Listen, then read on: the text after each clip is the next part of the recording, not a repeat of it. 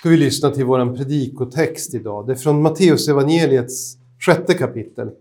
Det är verserna 20, 25 och 20, 25 till 27. Matteus 6, 25 till 27. Jesus talar och säger.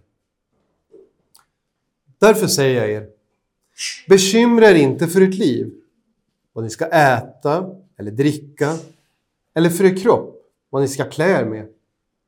Är inte livet mer än maten och kroppen mer än kläderna? Se på himlens fåglar. De sår inte, de skördar inte och samlar inte i lador. Och ändå föder er himmelske far dem. Är inte ni värda mycket mer än det?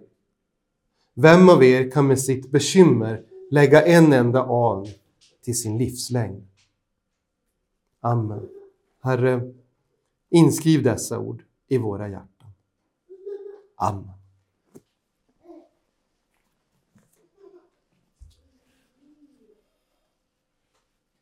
Nu tror jag att semestern är slut för alla. Sommarlovet är slut för alla. Ett nytt arbetsår, ett nytt skolår börjar för de som går i skolan eller jobbar. För de som är föräldralediga eller pensionärer så kanske inte märks någon större skillnad. Vardagen rullar på. Men när ett nytt arbetsår börjar, då kan man fundera lite grann över förändringar man vill göra. På jobbet eller i skolan. Vad ska jag göra annorlunda nu jämfört med förra året?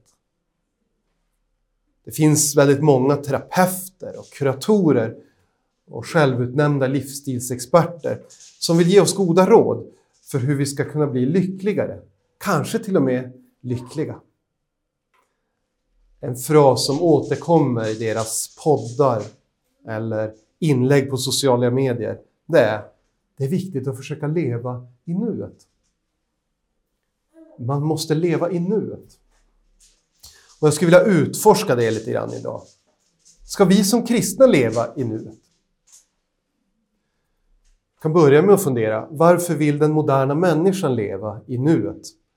Hon som har kastat loss ifrån Gud och gudsrelationen. För det första så har alla människor ett samvete. Det är ett samvete som säger till oss när vi gjort något som är fel.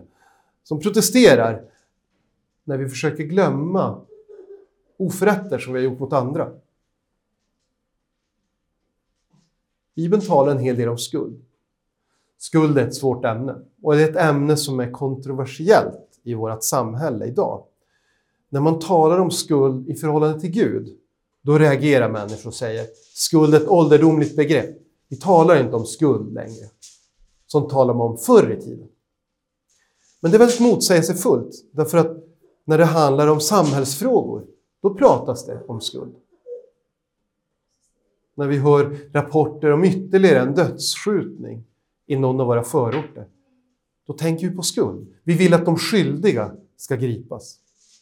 Vi vill att andra människor ska våga vittna så att den skyldige får sitt straff. Vi vill ha rättvisa. Eller när det uppenbaras att en sexualförbrytare har fått permis från fängelset och så kunna förgripa sig på fler offer. Då blir vi upprörda, eller hur? Och tycker att här finns det fler skyldiga än bara gärningsmannen. Vem släppte ut honom? Då talar människor gärna om skuld och till och med samhället också om skuld. Men när vi talar om skuld idag, då är det oftast andras skuld. Så långt kan vi gå med på att det finns skuld. Andra är skyldiga. Men själva vill vi inte tala om att vi skulle ha någon skuld. De flesta terapeuter de jobbar hårt med människor för att de inte ska kunna känna, eller för att de ska sluta känna skuld. Det ses som en sån destruktiv känsla som det är viktigt att göra sig av med. Men när vi läser Bibeln, då står det tydligt att det är inte bara mördare och våldtäktsmän som står med skuld. Utan istället står det i Romarbrevet 3. Alla har syndat och saknar härligheten från Gud. Vi står med skuld inför honom. En poäng med att leva i nuet för den moderna människan det är att slippa tänka på hur andra kanske har sårat mig och vad jag själv har gjort för att såra andra. Vi försöker att inte tänka på det som har varit. Vi försöker gräva ner det och förtränga det, inklusive tankar på vår egen skuld. Det är ett sätt för nutidsmänniskan att hantera skuldbegreppet. Ett annat sätt det är att helt enkelt försöka omdefiniera vad skuld är för någonting. Att ändra spelreglerna. Det är också väldigt vanligt. När vi läser i Bibeln ser vi att redan på Jesu tid så var det vanligt att man tänkte på det som andra gjorde som synd, medan man hade ursäkter och svepskäl för det man själv gjorde. Ett intressant exempel hittar vi i Matteus kapitel 15. Vi läser om hur fariseerna anklagar Jesu lärjungar för synd. För de har slarvat med handtvätten. Man skulle tvätta händerna på ett särskilt sätt enligt judisk sed innan man äter. Och då säger Jesus, ja, ni är väldigt noga med de här reglerna. Okej, okay. men har ni tänkt på att ni har liksom inrättat en regel som säger att man kan strunta i fjärde budet? Man kan strunta i att ta hand om sina egna föräldrar om man istället ger en frikostig gåva till templet. Jesus säger, tänk inte bara på det andra gör som synd, utan se er egen synd. Det här sättet att liksom ändra spelreglerna, det är ett ganska allmänmänskligt sätt att tänka. Om man frågar tio svenskar, tycker du det är rätt eller fel att ljuga? Då tror jag att minst nio av tio säger, det är fel. Man ska inte ljuga. Men om man sen skulle kunna konfrontera dem med tillfällen när de har ljugit, så skulle de flesta kunna förklara, jo fast just i det fallet, det var nog ändå rätt därför att. Man brukar säga, det var en vit lögn. Det sa jag för att inte såra någon annan. Så kan det vara. Men vita lögner kan också användas för att slippa ta ansvar för sina egna handlingar. Eller sina egna känslor. Vi har olika talanger som människor, men vi har också olika svagheter. En del är bra på att säga sanningen. De berättar sanningen. Det kan vara en styrka. Men en svaghet kan också vara att sådana människor har lätt för att såra andra. Jag sa ju bara sanningen, säger de. Eller kanske att de har svårt att hålla det åttonde budet, att inte tala illa om andra. Våra svagheter och våra styrkor går ofta hand i hand. För en sån människa så är det lätt att säga, det är väldigt viktigt att tala sanning. Men kanske lite svårare att säga, det är väldigt viktigt att inte tala illa om andra. Därför att det är just ens egen svaghet. De allra flesta svenskar blir väldigt upprörda om de läser om chefer som beslutar om stora bonusavtal till sig själva trots att företaget inte går så bra. Och trots att man säger upp personal. Då blir man upprörd, eller hur? Men många som blir upprörda över det kan tänka sig att i det lilla stoppa på sig lite saker på väg hem från jobbet. Ja, vi har slut av det där hemma. Jag tar med mig några stycken. Man kan tänka sig att skriva upp några extra timmar övertid kanske. Man behöver lite extra pengar. Trots att man satt hemma och kollade på TV vid det laget. Eller man kan tänka sig att fuska lite med skatten. För det drabbar ju ingen fattig, som man brukar säga. Så ett sätt att slippa skuld det är att försöka omdefiniera vad som är rätt och fel och alltid komma med bortförklaringar för att rättfärdiga sina egna handlingar. Värderingar, uppfattningar om rätt och fel, de förändras med tiden. Det är väldigt tydligt. Människors uppfattning om rätt och fel förändras. Men det innebär inte att det som är rätt och fel förändras. Guds lag, som är skriven i våra samveten, den är evig. Och den kan vi inte komma undan även om vi försöker omdefiniera rätt och fel. Och olika sådana metoder för att glömma eller förtränga vår skuld inför andra människor, till och med inför Gud, det kanske kan hjälpa oss att glömma för stunden kanske kan hjälpa oss att leva i nuet en stund. Men nuet går ju över i en framtid. Så den som vill leva i nuet måste också undvika att tänka på framtiden. Det finns två perspektiv där, det förgångna, det som har varit, och det som ska komma. Vi vet ju att alla en dag ska dö. Och Att tala om döden är svårt. Man brukar säga ibland att döden är lite tabu i det svenska samhället. Jag vet inte om det är specifikt svenskt. Men det är i alla fall svårt att tala om. Jag tror att det handlar om flera saker.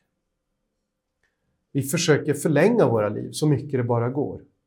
Vi försöker äta nyttigt. Man försöker uppmana folk att sluta röka om de gör det. Vi försöker uppmana oss själva och varandra att motionera för att förbättra hjärthälsan. Kanske man bantar eller slutar äta kött. Men alla de här sätten att försöka förlänga livet, säger Jesus, är ineffektiva. Hur mycket ni än kämpar kan ni inte lägga en enda an till eran livslängd. Är inte det märkligt uttryck? En enda an, ett längdmått på den här tiden. Kanske 50-60 centimeter. Till och med själva åldrandet är något som man försöker dölja. Det är inget nytt heller. Människor kanske färgar bort de gråa håren eller betalar dyra pengar för ansiktslyftningar eller fettsugningar eller såna botoxbehandlingar för att släta ut rynkorna. Om ingen ser att jag åldras, då kanske jag inte gör det heller. Men så är det inte förstås. Så när vi står inför ett nytt arbetsår, ett nytt skolår, då är det faktiskt så, även om det låter hemskt att säga, låter som en morbid tanke, det kan vara vårt sista år. Det vet vi inte. Men även om döden då kan verka skrämmande, obehaglig, så är det knappast någon som förnekar den. Annat är det med den kommande domen. Bibeln talar om att vi ska en dag dö och sedan dömas. Hebreerbrevet 9 uttrycker det så. Men till skillnad från döden så är domen något som människor inte har sett, så den är lättare att förneka. Vi har inte heller sett det eviga livet, vi som lever här på jorden. Så därför är det svårare att tro på. Men det betyder inte att det inte väntar på oss. Den moderna människans önskan att leva i nuet tror jag har två orsaker och de hänger ihop.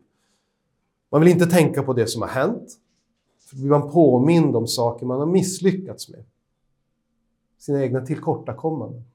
Hur andra har sårat en och hur man har sårat andra människor. Man vill inte heller tänka på framtiden, för då måste man oroa sig för döden. Och kanske en eventuell dom som man inte är säker på om den finns eller inte. Om man förnekar att domen och det eviga livet finns, då blir ju också synderna mindre allvarliga. Lättare att glömma och förtränga. Då behöver vi inte stå till svars inför Gud, utan bara inför andra människor här på jorden. Och de kan man undvika, de som är arga på en. När vi har kommit så här långt så känns det lite dystert. Vad är slutsatsen här? Är det så att vi människor istället för att försöka leva i nuet borde sträva efter att leva i ständig skuld och, och skam och älta våra misslyckanden? Är det dessutom så att vi ska leva i ständig skräck inför döden och domen? Nej, inget av det förstås. Den kristne äger ju julens budskap. Och det är inte bara till för den kristne, utan för alla människor. Gud blev människa och levde ett syndfritt liv för vår skull. Vi äger också påskens budskap och det är också till för alla människor. Att samme Jesus Kristus dog för våra synder och sedan uppstod. Den som tror på Jesus som sin frälsare kan verkligen leva i nuet. För hon behöver varken blunda för det som har hänt, det är förlåtet, eller blunda för det som ska komma, för det är ju härlighet. För det första så kan vi genom tron på Kristus leva i nuet för att vi honom äger förlåtelse för alla våra synder. Vi läser i Fesebrevet. I honom är vi friköpta genom hans blod och har förlåtelse för våra synder på grund av den rika nåd som han har låtit flöda över oss. När vi vet det, då behöver vi inte förtränga våra elaka tankar eller onda ord eller felaktiga handlingar. Vi kan lägga av dem vid Kristi kors.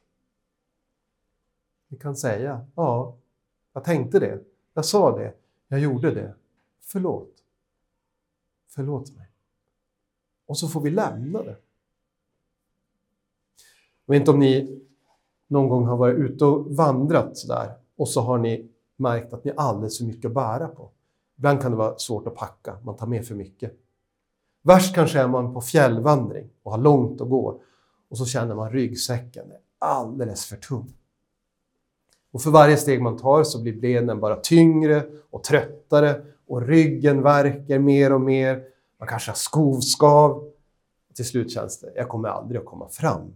Det här klarar jag, jag orkar inte ett enda steg till. Om du har en kompis bredvid dig som då säger Ja, ryggsäcken, det är en gammaldags eh, föreställning. Den finns inte egentligen. Så är inte det någon hjälp. Du är ändå trött i benen, det gör ont i ryggen ändå. Om någon säger äh, strunta i den bara. Eh, om man inte tänker på den så finns den inte. Det är ingen hjälp. Man kanske till och med blir arg. Om du har en annan kompis som säger ja, ja, ryggsäcken finns och den hänger där på din rygg.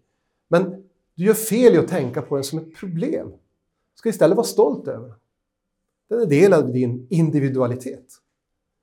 Ja, kanske att du då kan peppa dig själv och känna ja, jag kanske orkar lite till här. Jag ska vara stolt över ryggsäcken. Men krafterna blir inte större för det. Så är det också när det gäller våran synd. Det hjälper inte att säga att den inte finns. Det hjälper inte att säga att det är en felaktig reaktion att känna skuld. Utan det enda som hjälper det är att få ta av den. Det enda som hjälper när man har slut på krafter är att någon annan säger jag kan bära din ryggsäck åt dig. Du ser jättetrött ut. Det var just det Jesus gjorde. Han bar den allra tyngsta av ryggsäckar upp till Golgata. Den var fylld med alla människors, alla synder. För att vi skulle slippa gå omkring med krökta ryggar över allt vi ångrar. När Jesus säger Kom till mig alla ni som arbetar och bär på tunga bördor så ska jag ge er vila. Då förnekar han inte att vi har ett problem. Utan han säger Jag vill lösa det åt dig. Och tänk, det har han redan gjort för 2000 år sedan. Skulden är betald och vi är fria. Vi behöver inte känna skuld. Den som tror på Jesus behöver inte heller tvivla på vad som ska hända i framtiden. Det finns så mycket att oroa sig över, eller hur? Krig, höga elpriser, matbrist kanske, hälsan, våra barn. Det finns en massa saker att oroa sig för. Tidigare talade vi om att för att leva i nuet måste man vara försonad med det förflutna. Men man måste också kunna leva utan ständig rädsla inför framtiden. Annars blir det för tungt att leva. Därför har Gud också gett oss en rad löften som blickar framåt. Inte bara handlar om det han redan har gjort. Och Det gäller löften både om vårt jordiska liv och om livet i himmelriket. När vi väl tagit emot Guds förlåtelse, då kan vi till och med med Paulus säga att döden är en vinning. Även fast det låter konstigt. Det kan till och med vara någonting att se fram emot. Vi i Sverige lever ju på många sätt ett väldigt gott liv. Ett väldigt gynnat liv. Privilegierat. Vi har all mat vi behöver, vi har tak över huvudet, vi har kläder på kroppen. Vi har lyx också som vi inte behöver. Men ändå, även i Sverige finns det väl stunder då vi önskar att vi kunde slippa de sorger och de bekymmer och de sjukdomar som även drabbar oss. Då kan vi söka tröst i Bibelns ord från Uppenbarelseboken, för den beskriver vad som väntar Guds folk. Gud ska bo hos dem och de ska vara hans folk. Och Gud själv ska vara hos dem. Och han ska torka alla tårar från deras ögon. Döden ska inte finnas mer, och ingen sorg, och ingen gråt, och ingen plåga. Ty det som förr var är borta. Den som tror på Jesus Kristus behöver alltså inte heller vara rädd för framtiden, inte ens för döden eller domen. Men i tron behöver vi inte heller vara rädda för livet. Guds son som dog för våra synder har lovat att vara med oss varje dag och hjälpa oss även med vardagens till synes små och obetydliga bekymmer. Han har lovat att beskydda oss från fara och uppmuntra oss och stärka oss när vi har det svårt, när vi kämpar med den där ryggsäcken, trots att vi egentligen är förlåtna. Lina Sandells kända psalm, Blott en dag, ett ögonblick i sänder, den uttrycker just den här tillförsikten som vi alla kan känna inför det som väntar. Vi kan leva i nuet på så sätt att vi tar en dag i taget utan att bekymra oss över ifall vi kommer att räcka till eller inte. I Petrus första brev så uppmanar oss aposteln kasta alla era bekymmer på Gud, för han har omsorg om er. På det sättet så gör vi rätt i att leva i nuet. Därför att för det första våra synder är förlåtna och det förflutna inte kan hota oss. Men också därför att Gud har lovat att skydda oss och bevara oss i sin famn ända till livets slut. Och sedan leva med oss i himmelen i evighet. Och med den vetskapen då kan vi påbörja ett nytt år i skolan, eller på jobbet, eller som föräldraledig, eller som pensionär. Vi får leva i nuet. Amen. Låt oss be. Käre Herre. Förlåt oss för alla de gånger som vi har haft svårt att verkligen tro på att vi är förlåtna och som vi ändå har gått och ältat gamla synder som du redan har tvättat bort. Förlåt oss för alla de gånger som vi har oroat oss inför framtiden och brustit i tillförsikt och tilltro till dig. Tack för att vi varken behöver göra det ena eller det andra. Tack för att ditt ord lugnar oss när vi oroar oss över det förgångna och också lugnar och tröstar oss när vi oroar oss inför framtiden. Hjälp oss att leva i nuet. Hjälp oss att ta varje dag som en gåva ifrån dig. Hjälp oss att göra det bästa av varje stund vi har här på jorden. Väl medvetna om att en evighet hos dig väntar på oss. Vi ber i ditt heliga namn. Amen.